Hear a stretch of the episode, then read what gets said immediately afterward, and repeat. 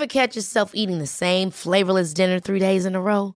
Dreaming of something better? Well, HelloFresh is your guilt-free dream come true, baby. It's me, Gigi Palmer.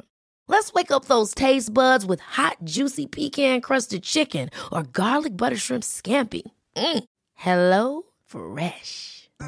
Stop dreaming of all the delicious possibilities and dig in at HelloFresh.com. Let's get this dinner party started. Life is full of awesome what ifs, and some not so much, like unexpected medical costs. That's why United Healthcare provides Health Protector Guard fixed indemnity insurance plans to supplement your primary plan and help manage out of pocket costs. Learn more at uh1.com. Hey, it's Paige DeSorbo from Giggly Squad. High quality fashion without the price tag? Say hello to Quince. I'm snagging high end essentials like cozy cashmere sweaters, sleek leather jackets, fine jewelry, and so much more. With Quince being 50 to 80% less than similar brands. And they partner with factories that prioritize safe, ethical, and responsible manufacturing. I love that. Luxury quality within reach. Go to quince.com slash style to get free shipping and 365 day returns on your next order. Quince.com slash style.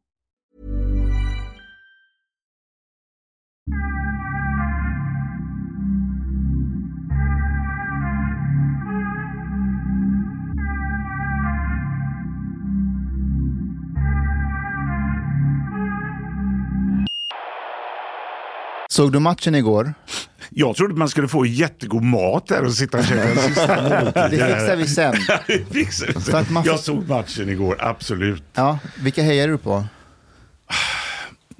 Ja, men jag, eh, ja, det är väldigt konstigt. Eh, Mar- eh, Frankrike, Argentina. Eh, jag kunde inte riktigt ta ställning där. För det, jag kom in, eh, jag, när jag kom till hotellet så låg eh, Argentina över med 2,0. Jag frågade dem liksom, eh, på stationen för de stod och tittade.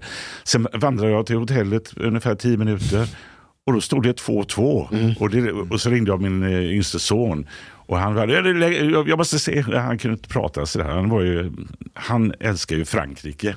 Okej. Och, eh, men jag, jag, det var ju en fantastisk final. Jag tror jag aldrig har sett någon Du såg ju inte den, Såg jag inte den? eller?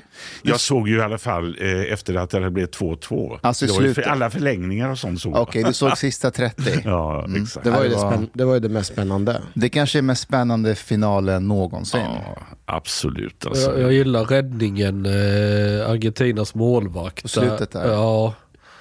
Ja. Inte i straffarna utan när han gör någon Nej. benparad och precis lyckas. Men eh, vad det gäller fotboll så, eh, alltså, man kan säga på 90 Vänta, oh, är det, 80, ja, det är nog 80 80-talet när Blåvitt är alltså med eh, på internationella arenan och, och spelar på Ullevi. Alltså det var så jävla stort. Så att, eh, och då fanns det en eh, typograf i Göteborgs-Posten, en gammal man som hela tiden, han var rätt packad va, men han liksom... Han, han Packad kunde- som är full? Ja, full ja. ja. men han, han kunde liksom ändå få, få upp en stämning. Va? Och han hade ett ordspråk, eh, mattans matadorer och han stod och pratade sånt där. Det var helt fantastiskt alltså, Men- den tiden. Och jag är ju blåvitare sen jag, eh, hela mitt liv. Men nu är det ju ett annat lag som vann i, i Sverige. Va? Vad heter de? Häcken. Allsvenskan alltså? Ja, Ja. ja. Så jag har gått över till Häcken nu. Alltså du är medgångssupporter. Nej, jag har inte gått över till Häcken, men, eh, Ja, men du vet det, man- det, det, det, de är från Hisingen där jag kommer från i Göteborg. Va? Så att, eh, jag har träffat några och så frågar kan du inte komma över nu? Så här, jo, jo. Lasse Kronér tror jag har gått över i alla fall. Alltså du vet, du vet att man, man byter religion, man byter politik, man byter inte fotbollslag. Nej, Fru kan man byta med. Men... Ja, det kan man Ja, göra. det har jag gjort ett antal Men gånger. jag tänkte, jag tänkte om, om man nu Ja. håller på de blåvita, Argentina är ju med blåvita, då borde det väl vara... Ja, men det är väl skitsamma om det är samma färg. Det är väl inte det det handlar om. Nähä. Det handlar inte om hudfärg. Nej, nej, färgen är inte intressant. Nej, men fotboll som idrott det är väl... Eh, men så, även när jag var liten Ishockey var ju något helt otroligt också då. Och vid något tillfälle, det här är väl kanske bara för, det fanns eh, Tumba eh, och så var det Uffe Sterner och de här riktigt stora va? Eh, på den tiden. Eh, och eh, jag var med och spelade ishockey i ett lag som heter Demonerna tror jag på Hisingen. Och jag var med om en match och vi vann med walkover. Så att, eh, men för tio år sedan ungefär så Eh, jag har ju hemligt telefonnummer och, och det är orsakat eh, av säkerhetsskäl men också av att eh, det ringde folk hela tiden och hade tips och det gick inte att ta emot det. Men vid något tillfälle så kunde folk ringa via växeln. Och då ringer en person och säger att han är skadad av olika skäl och han, eh, Försäkringskassan får han inga pengar från och sånt där. Och, och han bor i Värmland och jag heter Ulf Sterner, säger han. Ulf Sterners. Liksom, eh, min gamla, är det du eh, ishockey? Ja, det är jag, säger han. Så här. Då, då blir man ju helt eh, crazy va? när man hör att det är Ulf Sterner. Han var riktigt, riktigt stor. Alltså. Tumba och han. På min du, tid. Tumba var ju en speciell karaktär, för han spelade ju fotboll i landslaget också. Gjorde han inte det? Nej, han var, spelade ishockey och så spelade han eh, golf. Nej. Han var med i landslaget? Inte i fotboll. Jo. Kan det stämma? Ja. Jag måste kolla. Jag, nej, nej, nej, nej. Det gick en dokumentär om honom på SVT. Nej, kan det stämma? Ja. Han var en sån här allround-stjärna liksom. Nej, för fasiken. Ni kollar aldrig era grejer, ni påstår saker. Liksom, som... det, det, vi killgissar. Men... Nej, men Tumba var ishockey. Det kan, inte, kan han, ha spelat, han kanske har spelat fotboll men inte i, inte i A-laget va?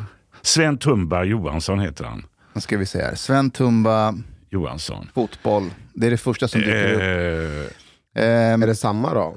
Sven, eh, Sven Olof Gunnar Tumba, eh, född Danderyds sjukhus, var svensk ishockeyspelare, fotbollsspelare, vattenskidåkare och golfspelare. Oh, du vet, när Sean var här, Persiska Sean. Ja, då Berätta. visade Tumba honom en slags, eh, vattenskidor som en slags ceremoni eller uppvisning. Mm. Men du kollar ju inte om han hade spelat i landslaget. Jo, jo jag ska se här. Nej, det kollar du inte. Okej. Okay. Här påstås grejer. Enda svenska som har vunnit SM-guld i både fotboll och ishockey. Ja, men det stämmer då. Uh -huh. Ja, så är det att bli gammal och tappa minnet. Enda svensk som har vunnit SM-guld i både fotboll... Det, det, det var någon där tio sekunder efter. Men jag, jag, jag gillar det här att, att en afghan måste lära en av Sveriges mest kända grävreportrar om svensk eh, idrottshistoria. Ja, ja. ja, ja. Men Janna, du sa att du har bytt fruar ett antal gånger. Hur många att jag gånger? Bytt? Fruar. Fru. Fru, ja, ja. just det.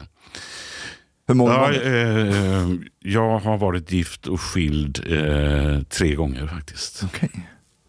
Men... Eh, du vet att eh, vissa får ju ha fyra fruar. Jag tänker att det kanske... Samtidigt kunde, menar du? Eller? Ja, det kanske kunde vara ett alternativ. Så kan du ju...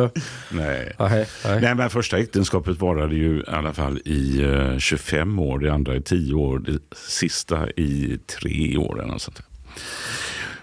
Och eh, ja, men så är ju livet. Är det resultatet av att du jobbade så hårt? Nej, det kan jag inte säga. Ja, du det jagade har, det framgång? Har, om vi tar det första äktenskapet så... Med Astrid? Ja, med Astrid. Ja, där jag har två söner och det var ju, alltså, vi träffades på en klubb, en studentklubb i Göteborg. Hon gick på Socialhögskolan, jag gick på Journalisthögskolan och sådär. Och eh, sen blev ju jobbet för mig som journalist blev ju väldigt... Eh, jag var väldigt, väldigt engagerad. Vi började med att flytta upp hit till Stockholm. Och jag jobbade ju på samhällsredaktionen där och fick åka väldigt mycket utomlands. Jag var ju till exempel i eh, Sovjetunionen eh, tidigt. Eh, 78 är vi i Leningrad. Och Putin hade gått ut eh, KGB-skolan och jag hade gått ut Journalisthögskolan. Vi är lika gamla, 1952 är vi födda. Finns det några mer kopplingar? Ja, alltså det, eh, det är ju så här, har vi fler kopplingar? nej, men när vi kommer till eh, Sovjetunionen, och då ska man ju veta att eh, Journalisthögskolan i Göteborg, där jag gick, som jag kallar kommunisthögskolan, väldigt, väldigt många var ju kommunister inom Sveriges Radio också. När man kom på morgonen, de, man, de hårda diskussionerna var rätt mycket, är det Kina som är det bästa landet eller är det Sovjetunionen? Ja.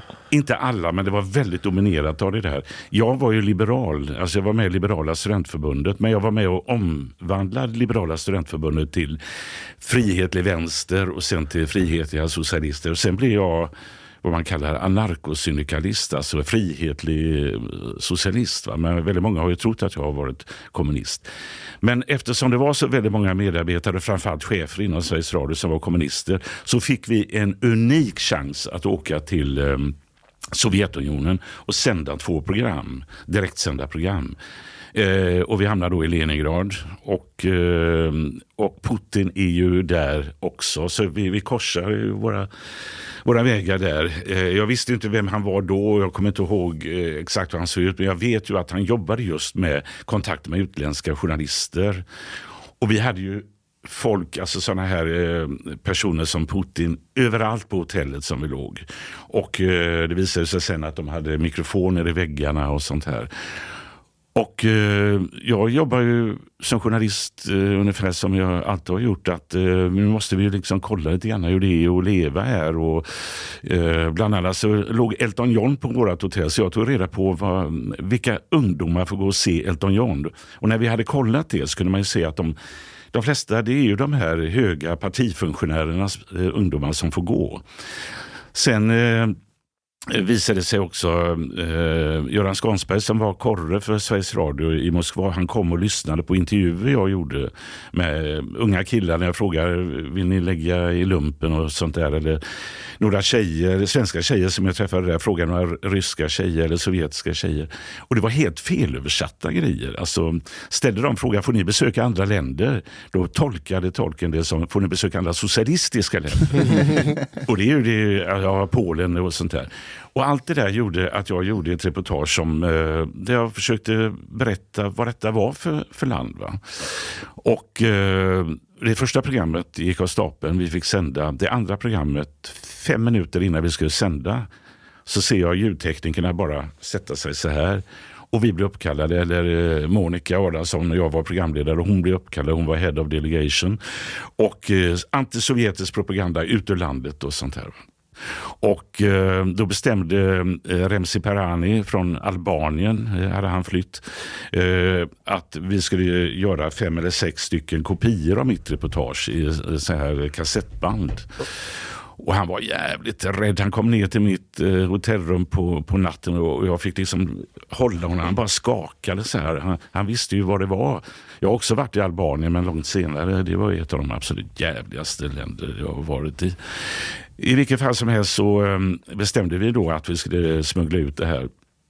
Men det var bara jag som hade stoppat det i ett cigarettpaket. Och, eh, och jag förstod, jag är ju aldrig rädd i de situationerna, men då när jag ser att de börjar kroppsvisitera folk så blir jag jävligt skraj. Va? Och eh, då såg jag att eh, britten som programsekreteraren hette, eh, hon hade blivit eh, eh klar med visitationen och alltihopa. Så jag la eller det här eh, kassettbandet i hennes necessär och så. Innan vi kom till Arlanda sen då, så när jag berättade att det låg i hennes väska, då svimmade hon kommer jag ihåg. sen blev det diskussioner inne på redaktionen lite grann. Men Janne, varför det, det, det blev lite grann det här att eh, här blir vi bjudna till eh, ett land och så ska du granska det. Eh, det, det gynnar bara borgerliga intressen, sa man till mig då. Jaha. Jag menar, ska jag ta hänsyn till vilka det gynnar? Du... Ska inte vi göra exakt det vi ska göra som journalister oavsett vilka det gynnar eller missgynnar? Och det där har varit en röd tråd för mig i hela mitt liv. Det där är ju ty- något som Sovjet hade kunnat säga lika gärna. Ni är bjudna till vårt land, varför håller ni på och granskar? Ja. Och du var med i Liberala Kommunister då? Eller? Nej, nej, nej, Liberala Kommunister vet fan om det finns sådana. Men eh, eh, jag var ju, eh, nej jag, jag hade inte jag hade slutat att vara politiskt aktiv. Det var när jag låg i lumpen. Alltså på. Men, men eh, jag, var, jag, var, alltså, jag såg mig mera som journalist och kunna slå åt alla håll. Va? Och inte liksom bara för att, eh, jag, jag menar, det här snacket om att det ska gynna borgerliga intressen, det är för att vi alla inte gillar borgerliga. Jag menar, ska vi som journalister ha den typen av diskussioner så tycker jag, då är vi inte journalister längre. Och det där, eh, sen, jag kan ju inte gå i god för allt vad som styr mig. Varför vad är det som triggar igång mig? Men det är väl rätt mycket genom åren att jag tycker att eh, vi ska ha eh, fria diskussioner på, eh, tar man en sån maktfaktor som Uppdrag granskning som eh, jag jobbade med i närmare 20 år. Så när det blir sådana diskussioner att eh, ja, men vi ska inte göra om det, vi ska inte göra om eh, till exempel eh, eh ja, det har varit eh, många gånger sådana diskussioner där jag tycker att eh, vi, ska, vi ska göra journalistiska bedömningar. Kan vi komma någon vart? Finns det eh, någon som liksom eh, eh, vill skapa en bild som är falsk? Vem det än det är så ska vi kunna göra det. Och när jag gör om Vänsterpartiets mörka historia, så jag var kan bland de första att göra två program 2004 om eh, Lars Ohly och eh, Werner och de här. Och det, jag fick ju tag i material som jag hade sedan länge visserligen om hur de har ju eh, skickat telegram till Ceausescu i, i Rumänien om att arbetarklassen i Sverige lider av eh, svåra tider och så lyckönskar dem eller sånt här. Det är ju fan inte klokt. Va? But- but- och, och, och då var det när jag gjorde om Vänsterpartiets mörka historia då, då var det någon på Uppdrag granskning som sa att liksom, men Janne varför gör du program om vårat parti? Varför granskar du våra parti? Vårat parti? Har vi ett parti som vi röstar på i Uppdrag granskning? Fan, jag, röstar, jag har aldrig röstat i hela mitt liv. Jag har röstat blankt. Och det kan man ju ha olika åsikter om, men så har det varit i alla fall. But do you think this ideological bias still exists in Sweden today in the media? Jag tycker, Tycker det. du? Ja, jag, ja, det du säger, om vi är bias. Ja. Journalistkåren eh, tycker jag... Eh, ja, det finns... Eh, jag kommer ihåg jag på ett sånt här grävseminarium för inte så jävla länge sedan så ställde jag, det var Robban Aschberg och jag var inbjudna och det var väldigt mycket folk. Och jag ställde vissa frågor som är kontroversiella bara för att höra om... eh, Jag ställde bland annat en fråga, är det någon utav er här som tycker att vi har tagit för många eh, migranter till Sverige och att vi har varit för öppna? Och då är det 300 journalister, ingen räcker upp handen. Och då säger jag att eh, okej, orsaken till att ingen, kan ju vara, eh, ingen räcker upp handen kan ju vara att eh, eh, ingen tycker att det har kommit eh, för många. Eh, vilket innebär att ni är absolut inte representativa och det kanske har sitt problem. Eller så vågar ni inte. Alltså det, finns, eh, det, det finns en bias inom journalistkåren. Det är min absoluta uppfattning och det får betydelse för vad vi tar upp och vad vi inte tar upp. Va? Och man låter sig eh, eh, sugas in i det där. Va? Och jag, jag vill ju bryta mot det. Nu ska vi eh, ta de killarna som kom ifrån eh, Afghanistan. Mustafa och dem. Vad sa du? Sådana som Mustafa. Ja. Precis. Jag var ju i Malmö när det kom som mest 2015 och jag står och intervjuar Morgan Johansson. Och då ställer jag frågan till honom, kommer jag ihåg. Han var väl inte justitieminister då, jag, han, jag vet, han var minister i alla fall. Och jag frågade honom, kan vi ta emot lika många som kanske hela övriga Europa gör? Är det, är det möjligt? Ja, eh, han menar väl att ja, det, är vi människor så ska vi göra det och sånt där. Alltså att inte våga eh, komplicera frågan. Och när vi fick eh, tips om att många av de här killar var det ju i väldigt, väldigt stor utsträckning, kanske till 90-95 procent. Att vissa då hade naturligtvis fått tips om att i Sverige, säger du att du är under 18 eller om det var något sånt där, så får du en socialassistent, du får eh, en lägenhet, du får förmodligen stanna. sånt här. Det hade väl jag också sagt om jag var lite äldre, att jag är under 18 och jag hade flytt över halva jordklotet. Det, det gör väl vem som helst. Men man fick liksom inte prata om det. Och, eh, man, man, och, och vi gjorde inte det. Och jag bestämde mig för att eh, att vi, vi, vi, vi, ska kontrollera det här. Vi åker till Kabul och kollar vad som händer. Eh, vi, eh, jag är uppe i Stockholm och då är det de här demonstrationerna vid Norra Bantorget till exempel. Och så var det en, en, eh, Chavare. eh, Ate, vad är hon? Fateme Shavari. Fateme hette hon, ja just det.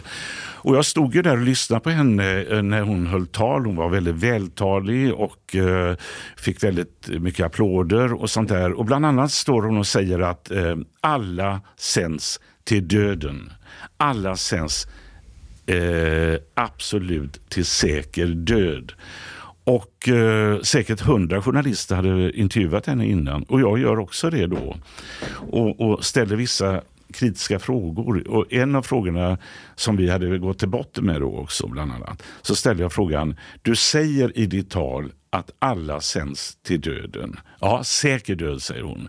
Och då frågar jag henne, Eh, vad bygger du det på? Kan du berätta för mig vad du har för fakta bakom det? Vad menar du, säger hon. Jo, men du måste väl bygga det på någonting när du påstår det. Nej, men jag menar ju inte fysisk död, säger hon. Jag menar psykisk död. Var det inte Och det är något helt annat än vad alla har uppfattat det som. Och vad är det med en journalistkår som inte har ställt den? Du behöver inte gå på någon jävla journalisthögskola för att fatta att den är kanske en av de viktiga, viktigaste att ställa till henne. Men varför, men varför ställer man inte frågan? Så här, tänker man på frågan, men, men låter bli att ställa den? Eller är det bara att man inte tänker på det? Är det bara Nej, men det inkompetens? är, är väl en osjälvständighet att man vill tillhöra den här journalisten. Ja, jag vet faktiskt inte, men det finns alltså en, eh, en, eh, en tankers, eh, tankar och sättet att se på jobbet, att man ska vara eh, och där man aldrig får några motfrågor. Och, där, eh, och, och jag blivit kallad precis vad fasiken som helst. Va? Men jag tycker att det är, det är jätteviktigt att eh, att göra det där. Likadant var det när jag gjorde om barnfattigdomen i Sverige. Rädda Barnen går ut och säger att det är en kvarts miljon eh, barn som är fattiga i Sverige.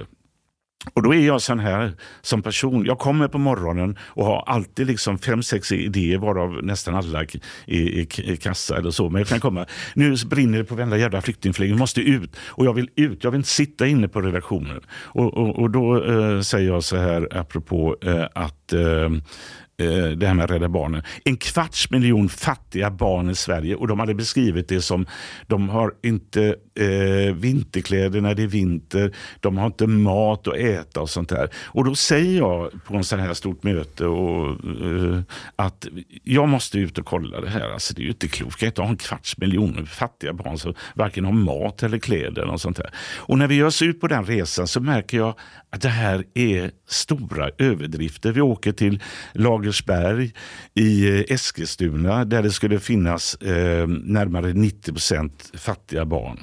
Vi kliver in där och pratar med folk och är där på när det är eh, någon julfest eller vad det var eller något sånt där. Och då ser jag så här att ja, de är, alltså det är helt dominerat av eh, invandrare eh, som bor där. Det är påvert, det är fattigt. Men de har mat, de har eh, lägenhet, de har kläder.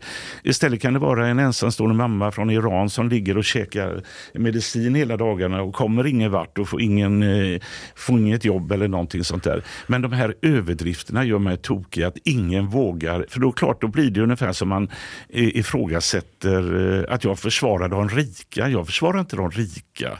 Jag har ett klasshat från början eftersom jag kommer från arbetarklassen. Det klasshatet är jag inte stolt över. För det, Kan eh, inte vi stanna där och prata mer om det? Ja. Du, berätta. För, Nej, men det, det, det, kommer liksom från det, det som jag eh, kommer ifrån. Så när jag kommer in på Journalisthögskolan så märker jag ju att det, de består till stora delar av, eh, kan man säga, en eh, litterär, en, eh, en övre eh, välbeställd eh, medelklass kan man säga. Va? Och så skulle de eh, se ut som arbetare. De klädde ut sig i några jävla eh, murarskjortor och arbetarskor från 30-talet. Det där kände jag ju inte mig eh, de, tillfreds med. Och eh, jag märkte att eh, jag skrev också en bok väldigt tidigt ihop med en, eh, en lumparkompis som heter Behöver vänstern gå i terapi? Eh, där, där man såg att de här, framförallt överklasskillarna, tar ju kommando inom vänstern. De klär ut sig som vad de trodde arbetare och sånt där. Alltså den här förljugenheten. Och den har eh, triggat igång mig. Det här klasshatet mot överklassen, det är jag inte stolt över. Jag vet att jag tidigt fick något pris av DNs kultursida där jag säger att jag har det på det är någonting slutet av 70-talet. Det, det är inte ädelt och det har jag nog blivit av med. I din bok så beskriver du att du besöker en familj. Jag vet inte om du skulle hjälpa någon eller vad det var. Det var någon som var, du, du var mycket yngre. Och sen så åker du dit och sen så ska de lära upp dig hur du ska prata. Och, Ah, Vill du berätta om den? Ja, den är ju, ja, det är ju när jag är, är sommarbarn nere i Onsala då. Och eh, det är en, eh, det, det är en överklassfamilj.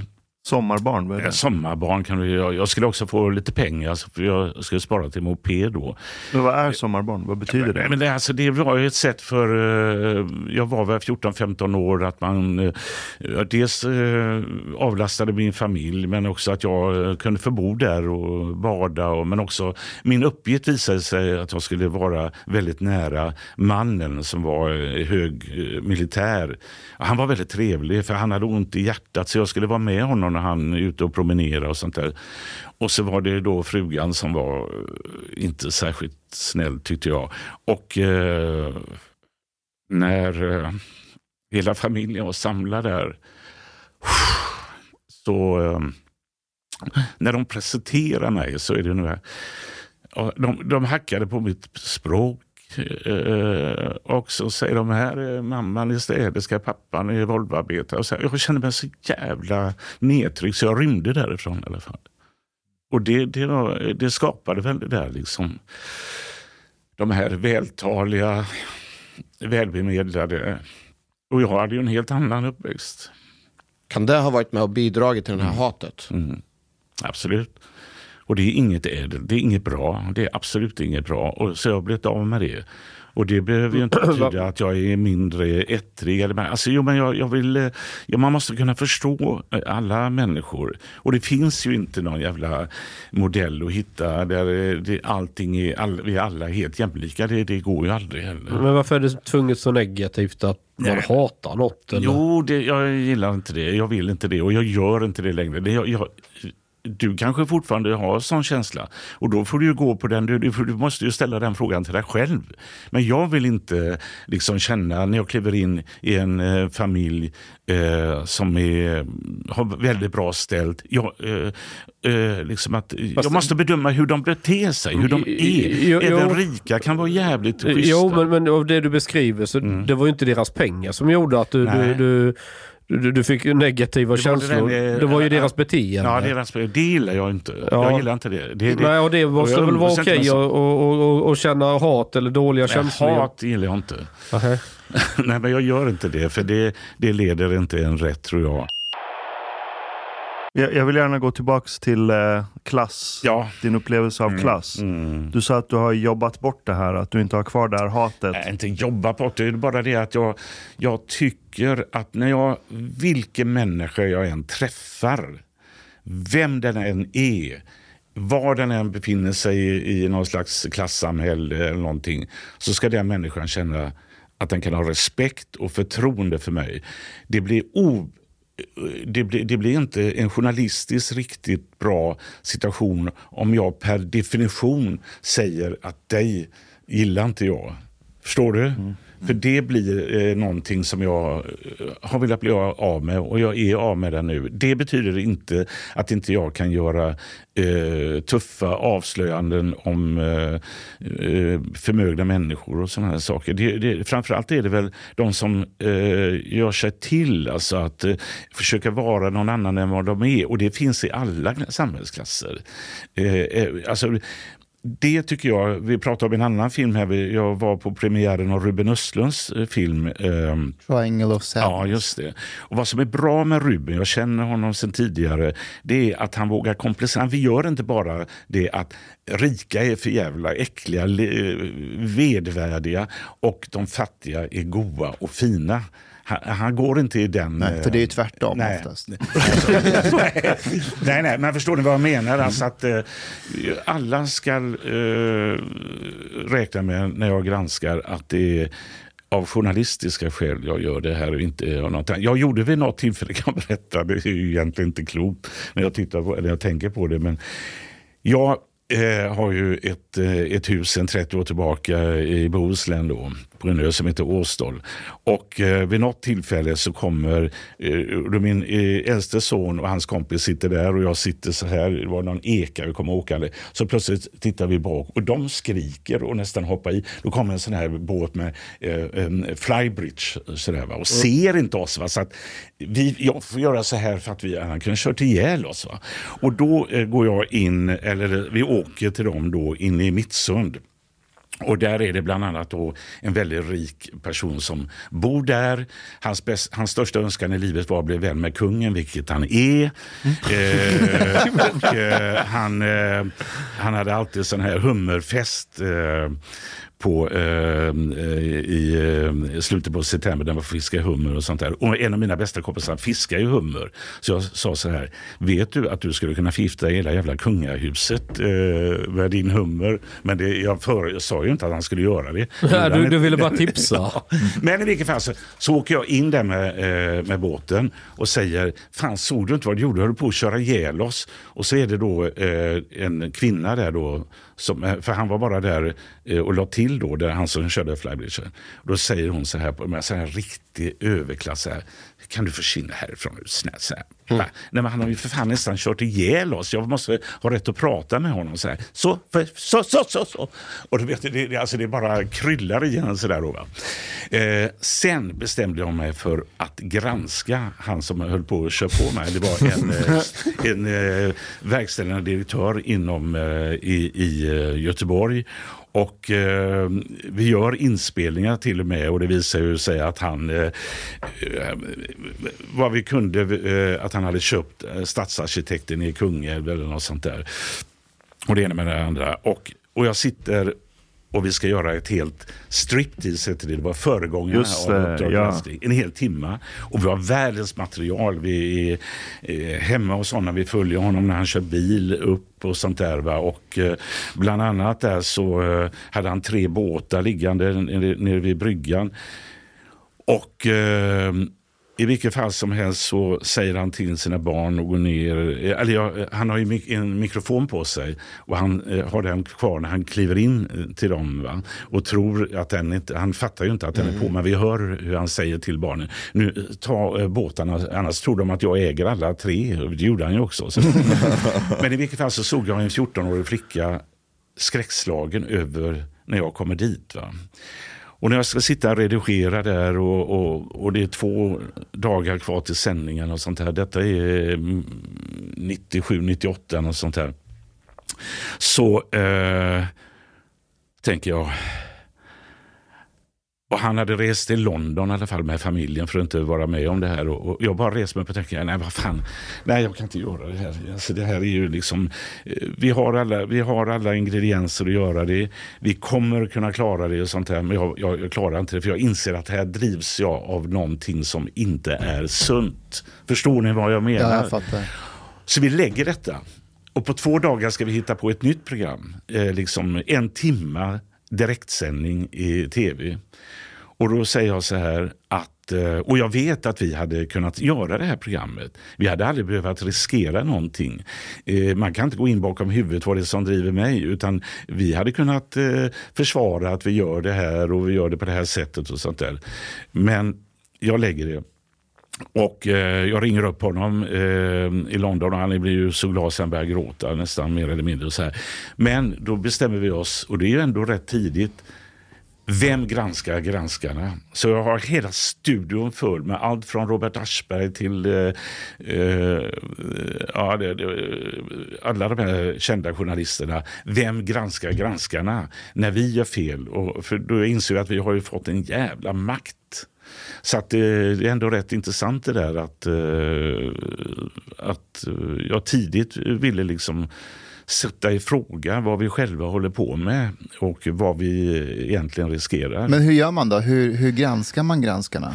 Ja, det är ju inte helt jävla lätt alltså, för de har ju... eh, Man startar alternativmedia. Ja, Men du Janne, ett sätt skulle ju kunna vara att man tittar på eh, ja, men hur länge man sitter på en position. ja. Skulle det kunna vara ett, ett vettigt förslag att du kanske inte skulle varit på Uppdrag granskning i så många år? Att man bytte redaktionen efter ett par år, och det kom nya ögon, nya producenter, nya viktigaste programledare. Är, eh, jag tror inte man ska formalisera det på det sättet att du får bara vara där max sju år och sen får du göra något annat. Sånt där. Men det viktigaste är att man bygger upp, man måste inse vilken jävla makt vi har att Eh, det som folk inte märker, hur vi berättar en historia, hur vi bygger upp den, vilka man får sympatier för. Vi lägger in musik och, eh, och att man bygger in en djävulens advokat också i det här att eh, du säger att den du granskar har fått med sina bästa argument. Har personen verkligen få, alltså verkligen eh, få fightas för det man gör. Och, eh, Som du Öz gjorde. Förlåt? Som du Öz Nöjen gjorde. Ja, Östnöjen. ju. ja, jävlar. Det, det är nog den mest... eh, alla vi som i någon bemärkelse visar upp oss eh, och så där är väl i någon bemärkelse kanske inte narcissister, men han är nog den... Ja, det, det, jag har aldrig varit med om något liknande. Alltså. Och jag vet inte fan om de har betalt den här skatten. Alltså det, jag, sitter ju, jag gör ju en dokumentär om Akilo. Alltså, Och då ser jag ju när förundersökningen kommer fram då, i samband med åtalet att eh, Akilov har varit i Östnöjes hus på Gotland och, och fått svarta pengar insatt på sitt privata konto. Eh, närmare 100 000 tror jag det var. Och, eh, och jag försöker få tag i Öss och det går ju inte. Det går inte. Och, eh, han är till och med i tv radiohuset i Göteborg. Men, och jag har ju träffat Öss tidigare och sånt där. Va? Och, eh, Men du fick tag i Eh, hans så småningom så kommer han ju då och, eh, och då går han ju fullständigt loss. Han går ju bananas där. Och han spelar in hel, han har ju egen fotograf med sig. Och det, jag kan ju inte säga till honom heller att eh, nej det får inte du ha. Det är klart, självklart. Eh, jag har ju kamera, det, det är väl ingenting att snacka om. En sak jag alltid undrade var, att hade han med sig sin egen sminkös eller var det Uppdrag gransknings? Nej, han hade med sig både eh, eh, egen kamera, egen fotograf och sen var det ju att han jobbade på eh, Stadsteatern men han hade ju ingen, eh, det var ju ingenting han skulle sminka sig för eh, i eh, den dagen. Men han, han gick ner till sminket och satt där rätt länge. Och, och, eh, nej men eh, jag, jag, jag tycker han betedde sig jävligt märkligt. Och, eh, det, eh, och det här med svågen som han skyllde på. Jag vad, är det mer?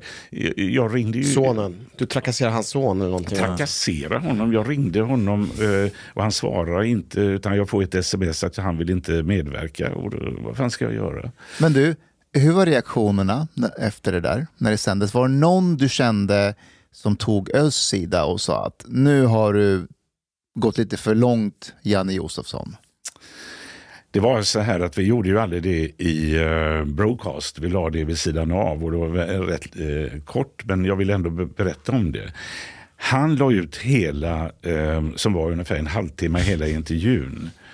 Och det är väl där han gör sitt stora misstag. För att eh, han, jag tror inte att han får någon tumme upp utan alla är ju så här. Va? Så att det, det, det blir ju värre för honom. Men eh, ja, herrejävlar, det var en jävla historia. Så det, ja. Men hur, hur resonerar du där jämfört med när du granskade den här vdn? När du granskade vdn som hade kört på dig, då kom du fram till att nej men det här vill inte jag lägga ut.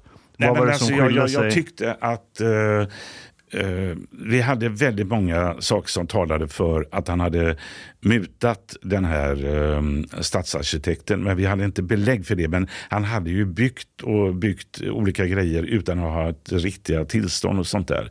Och eh, sen hade han liksom allting emot sig. Han hade flott bil, han var vd och sådär. Det, det, eh, alltså det är ju det där hur man bygger upp ett reportage. Vi har ju en sån jäkla makt hur man lägger upp saker och ting. Va? Och eh, det är ju det jag menar.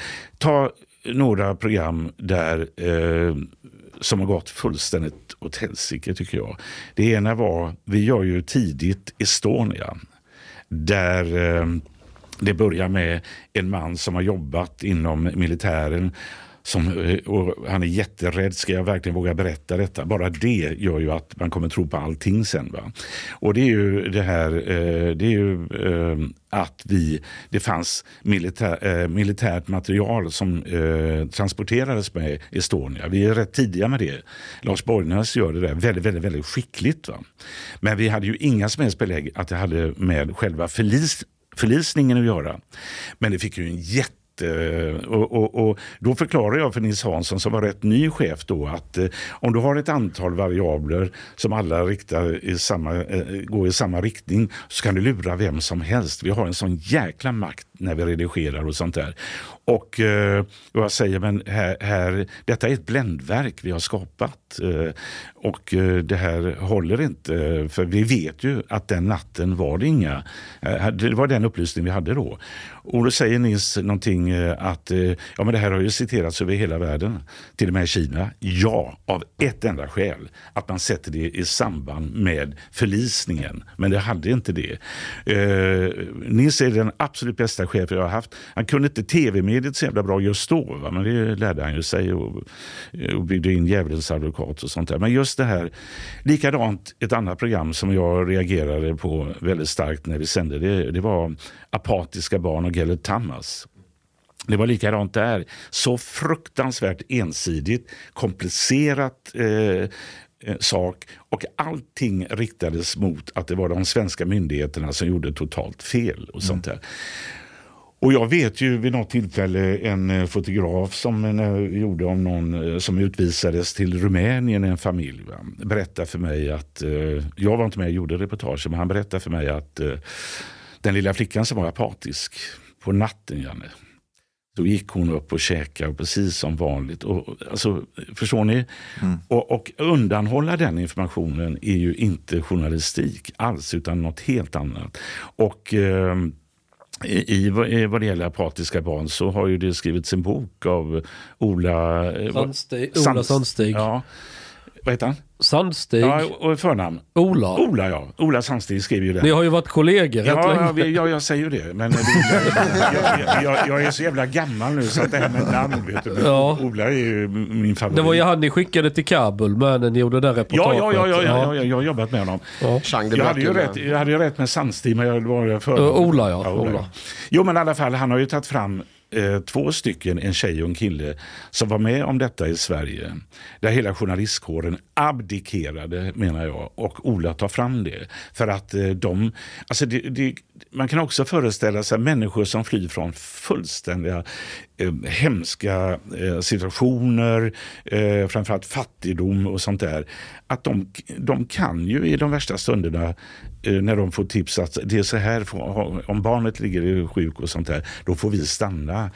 Men det var otänkbart för journalistkåren. Men det var ju inte otänkbart för han. De har ju berättat nu i efterhand att eh, de tvingades av sina föräldrar.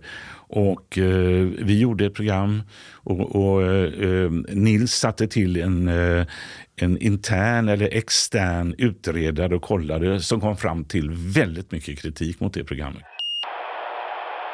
Janne, ja. om du jobbade kvar på Uppdrag granskning ja. idag, mm. vad hade du velat granska just nu? Något, något hett ämne som du tänker det här? Ja, det är klart man skulle vilja vara eh, med dolda kameror inne i den nya regeringen när de eh, sitter och snackar. Och, eller på båda ställena. Nej, men det finns väldigt mycket. Det är väl... Eh, ja, vad fanns Jag kan tänka mig att du kanske skulle vilja titta in i det här med Dumpen.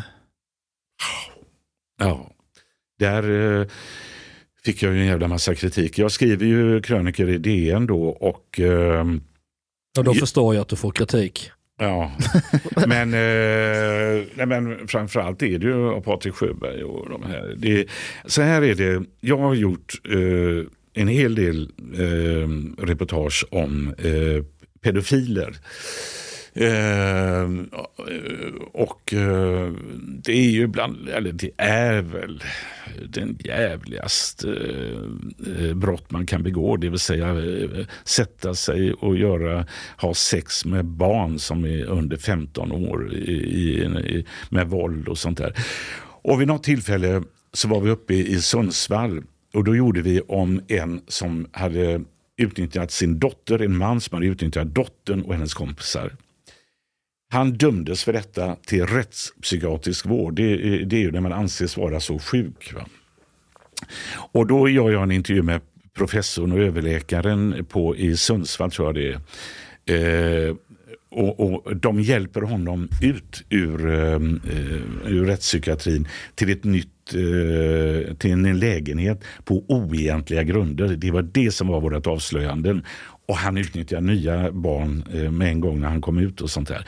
Och då gör jag en intervju med överläkaren där och eh, det sista jag eh, frågar honom utan att jag har liksom, eh, tänkt att ta med eh, svaret utan jag bara säger kan man bota en pedofil? Nej absolut inte, säger han. Alltså man kan inte det.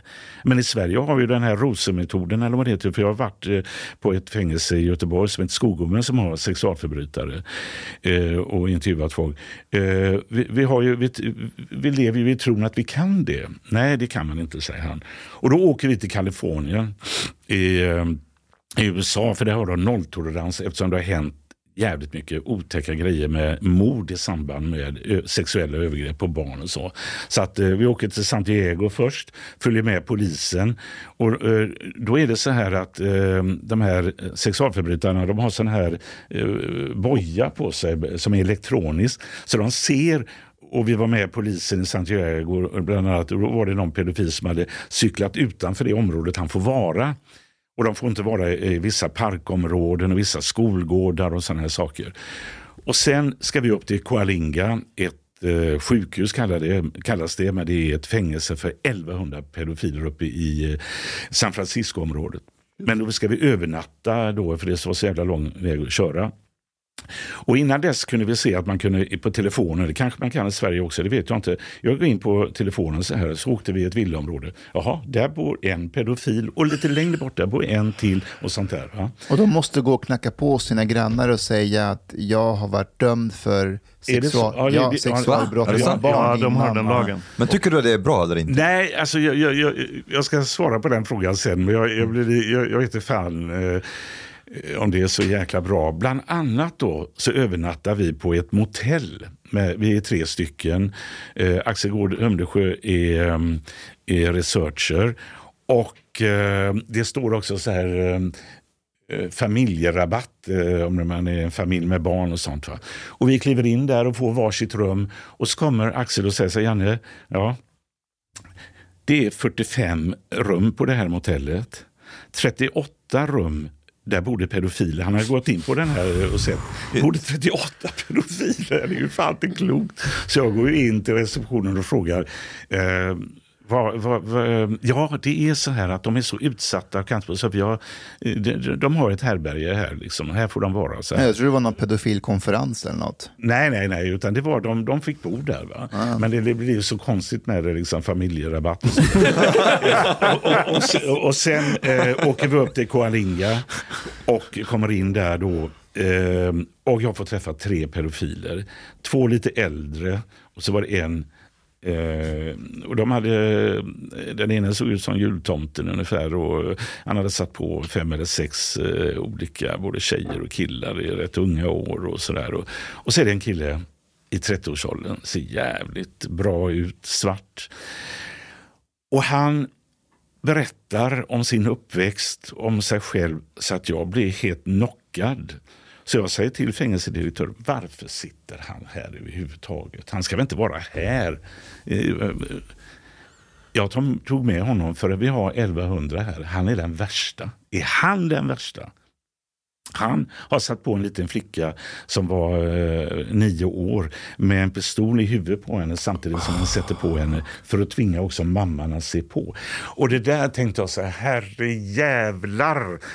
Alltså det går aldrig att se. Alltså en som kan, de blir förmodligen väldigt eh, eh manipulativa. Va? Och de tycker ju att de gör väldigt mycket gott och till 98,5 procent så gör de ju det för att uppnå de här sista procentenheterna och kan sätta på ett barn och sånt där.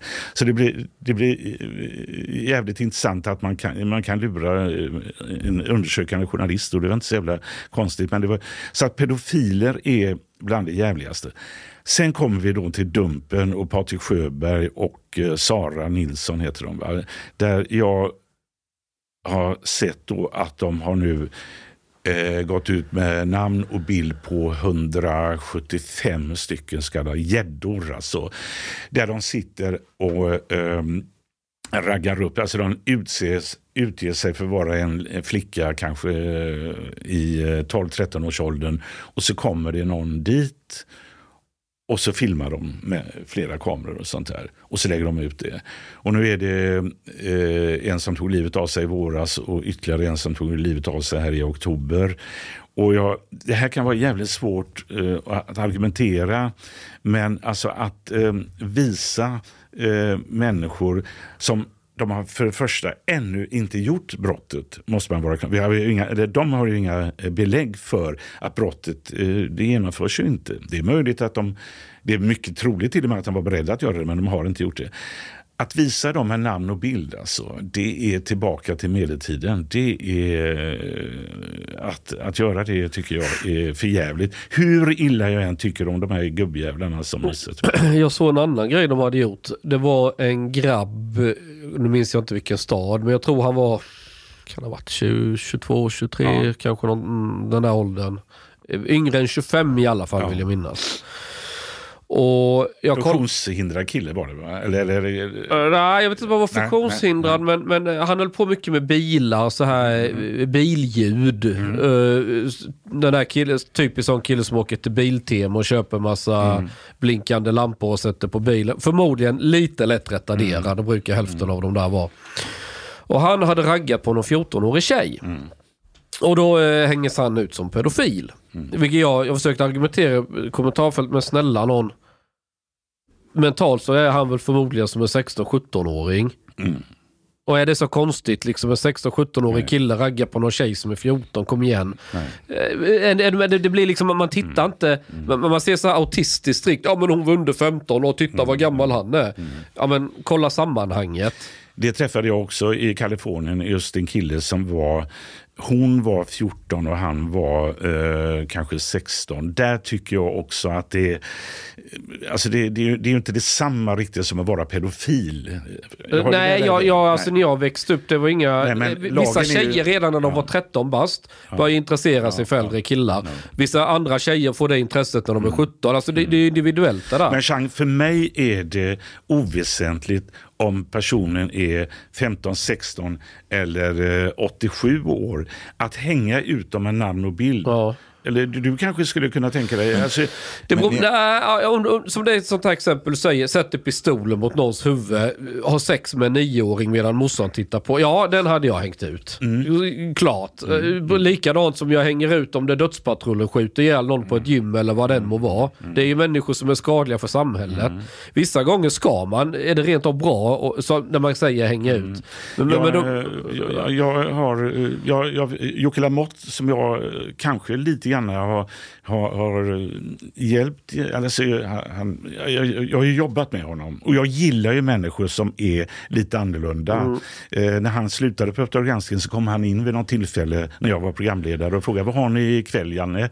Jo, vi har att eh, eh, Sverige hjälper USA att i det fördolda spionera på Ryssland. Om inte det är bra då? Det blev alldeles tyst på redaktionen. Liksom, så här. Eh, eftersom det var ett avslöjande så här, som var hemskt. Och så eh, Jocke eh, har jag eh, gett råd till i vissa sammanhang eh, och sånt där. Och vid något tillfälle så tyckte jag att han eh, gick för långt. Och det handlar också om pedofiler. Han, det, det är en kille, en rätt ung kille som eh, hade suttit inne för att eh, förgripit sig på en ung flicka. Och han hade flyttat tillbaka in till sina föräldrar. Där Jocke filmar den villan och sånt där. Va? Och det tycker jag är, det, det är går för långt alltså. Jag Ja, vet inte om ni, ja, ja. Uh, some people could argue Yeah. that if they reveal these people, Hmm. these pedophiles, they are saving the lives of children. Yes, of course they can. Men det, det är ju inget försvar. Men varför inte? Du, du menar att vissa pedofiler kan säga att de... Nej, nej, Nej? nej. De säger att, till exempel att Dumpen, det är bra det de gör Ja. eftersom de avslöjar de pedofiler. Och då kan de inte begå brott eller våldtäkt på barn. Vad Men tycker det, du det är det? en, Det ja. kan de göra ändå. Alltså det, det är ju en sjuk, det är ju en, eh, alltså en, den sexuella driften är ju, den är ju enorm. Alltså det, det räcker ju att gå till sig själv. När man blir kåt på någon tjej eller vad fan som helst. Även om jag aldrig har gjort några... Eh, men alltså det, det är ju en drift som är... Du har inte blivit för Du- gammal för det där och det fortfarande lever kvar. Nej, Du behöver fyra frågor nej, kanske. det- Ingen, ingen gubbsjuka som har slagit in. Nej. Nej, men i alla fall. Eh, jo, jag förstår det där. Eh, Att det är ett sånt förjävligt brott. Alltså. Och hade någon gett sig på någon av mina barn va, så hade jag vet inte fan vad jag hade gjort. Alltså. Men ett samhälle där media går ut och hänger ut människor.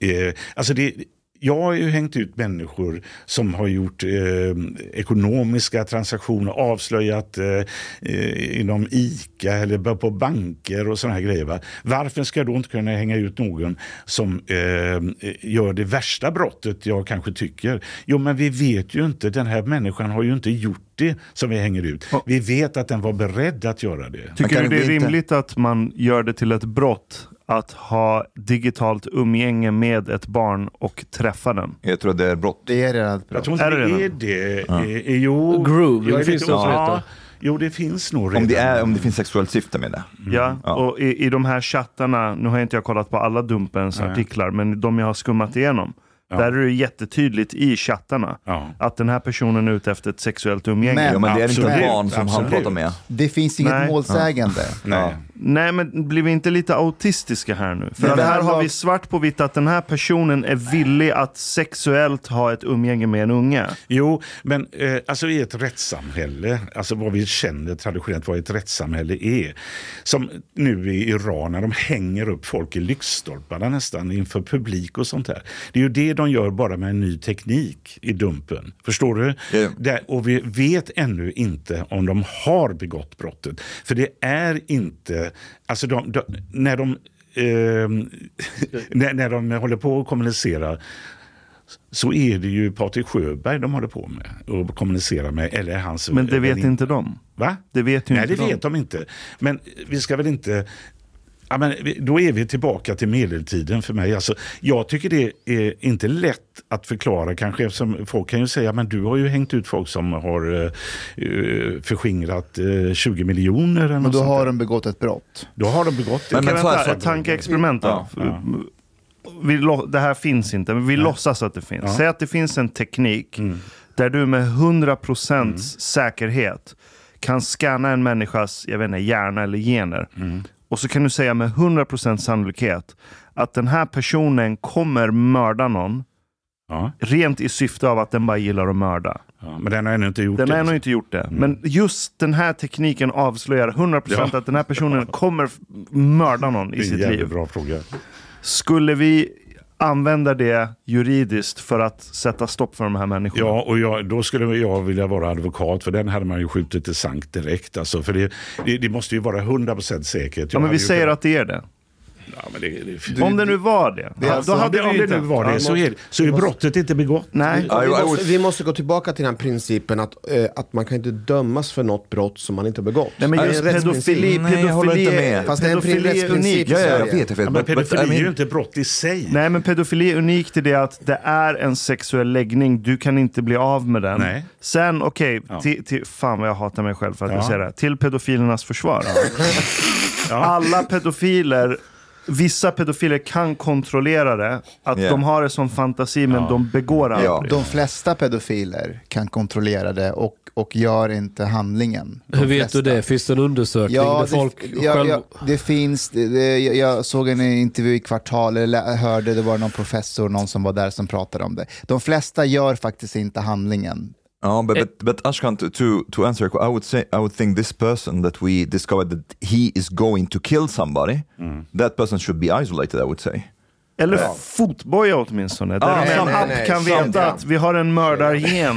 Men jag, jag tänkte på Ashkans resonemang för att komplicera det lite. Eh, Janne var inne på att någon sitter och skriver med en person, man tror det är en yngre, någon, jag vet inte. Ett barn. men- Ett barn ja. Och så ska man mötas, så kommer Dumpen och filma.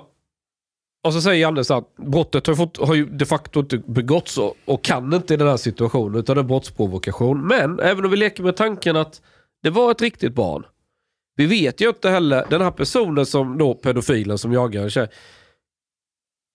Det är en sak att sitta vid datorn och skriva och det är en fantasi man lever ut. En annan sak i verkligheten när du, och så ser du det här barnet. Det kan mycket väl vara så att en och annan skulle bara, nej jag skiter i detta, Okej, det här okej. går för långt. Och det vet vi ju inte. För, för Ja. att vi har aldrig kommit dit än och då hänger vi ut en person som Fast de gör, I ju det, de gör ju det, vänta nu, i många av de här fallen från Dumpen, då reser de ju liksom från södra Sverige till norra Sverige för att träffa upp de här personerna. De tror att det kommer komma ett, en mamma med ett barn och de ska gå in på något hotellrum. Så det är ju där de hänger ut dem. Yeah, man. Shang, I understand what you're saying, but like, I, I mean, there can be also like differences in the level of crime. So, I think seeking a child to have sex with that child, the seeking in itself should be a crime, which is a crime. Ja. Uh, raping a child, that's, that's um, I'm definitely not a crime. sure It's- it's a crime. In Sweden, I'm not sure. Men eh, även Aktuellt har, Eh, har okej. berättat att... eh, Jo, det är en ny lagstiftning. All right, okay. Och, eh, så, så i så fall, okay, here. Would you, if you have children, you have children, would you like to know if there are pedophiles in your neighborhood? Ja. Would det you like to veta. know that? Was this, would this be information? No, I don't like to know it. jag, jag skulle definitivt Vill inte du vilja- veta, Janne? Varför inte? I, I, I, know Jag vet, jag vet att jag tyckte det var märkligt när vi, ta till exempel eh, i, i Santiago då när vi åkte i ett villområde eller om jag eh, i ett höghus i Göteborg till exempel, och jävlar. Här fasen ser du, här bor fyra olika pedofiler. En i tredje våningen och två stycken i, i, på våning fyra. Så här. Huh, vad fan ska, eh, hur ska, vad ska jag göra då? Not, not be there with the child. Ska, jag- ska jag knacka på och säga dra åt helvete? Eller ska jag ringa polisen? Ja, men eh, det är ju eh, det, det är kanske en pedofil som har suttit av sitt straff. Eller, eller, jag, jag vet inte fan. Men Alltså, samtidigt, vi har ju en offentlighetsprincip i Sverige. Det går ju att kolla det där Ja. ju. Om man bara vill. Aha. Alltså kolla sina grannar. eh, med Ja, ja, ja, ja det, det, det går ju att vända ja, sig till domarna är ju... Om, om, Alla domare, till, om de Ja. inte är utgallrade, men det tar väl ja. 10 eller 15 år. Och nu har vi rättsdatabas och sånt man kan söka online. det, och i- sådär. det innebär ju att snart kommer vi att ha det här.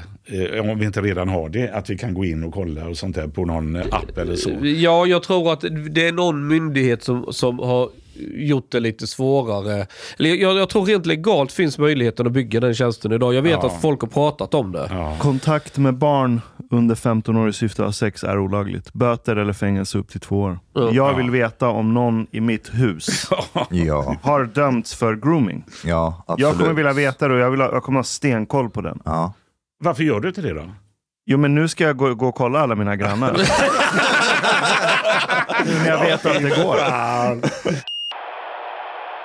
Dumpen har ju vad är det, över 80 000 medlemmar i Facebook Ja. och deras fans är väldigt lojala. Du Hur, hur jag- var det när du var i Aktuellt? Ska, ska, jag vara ärlig, jag vet, jag vet inte fan om jag ska prata om det här. Men, Jo, men kör. Eh, ja, dels handlar det ju om att jag möter ju eh, några i det här gänget för ett drygt år sedan. Och det är ju... Eh, Okej. Du har lyssnat så här långt. På sista måltid. En mycket fin radioprogram i Sverige. Du tycker det är mycket trevligt. Men, min vän, lyssna på mig nu. Du har inte betalat biljett på klubb sista måltid. har harblate grabarna dom behover pengar. Flis. Lax. Stolar. Dirabilar. Lix hotel. Duwet. måste du betala om du ska lyssna mer. Du forman gaflera wsnit okso. Pakieter biudande, heltenkelt. Les i beskrivning for avsnit, dar finns information for bli medlem poklubzista moltit. Detko star somen miket liten kafe late ute potoriet. Per monat. Let somen plet. Tak, minwen.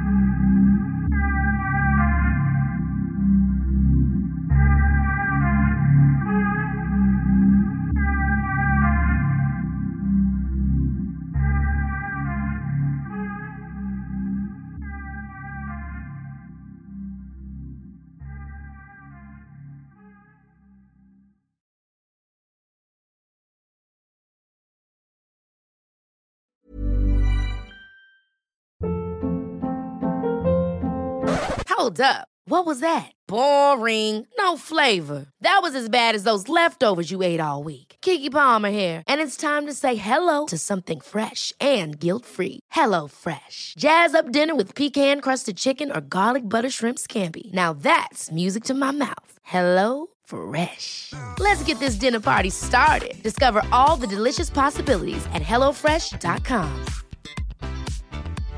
Imagine the softest sheets you've ever felt. Now imagine them getting even softer over time. That's what you'll feel with Bowl and Branch's organic cotton sheets. In a recent customer survey, 96% replied that Bowl and Branch sheets get softer with every wash. Start getting your best night's sleep in these sheets that get softer and softer for years to come. Try their sheets with a 30-night guarantee. Plus, get 15% off your first order at bowlandbranch.com. Code BUTTERY. Exclusions apply. See site for details. Hey, it's Paige DeSorbo from Giggly Squad. High quality fashion without the price tag. Say hello to Quince. I'm snagging high-end essentials like cozy cashmere sweaters, sleek leather jackets, fine jewelry, and so much more. With Quince being 50 to 80% less than similar brands. And they partner with factories that prioritize safe, ethical, and responsible manufacturing. I love that. Luxury quality within reach. Go to quince.com slash style to get free shipping and 365 day returns on your next order. Quince.com slash style.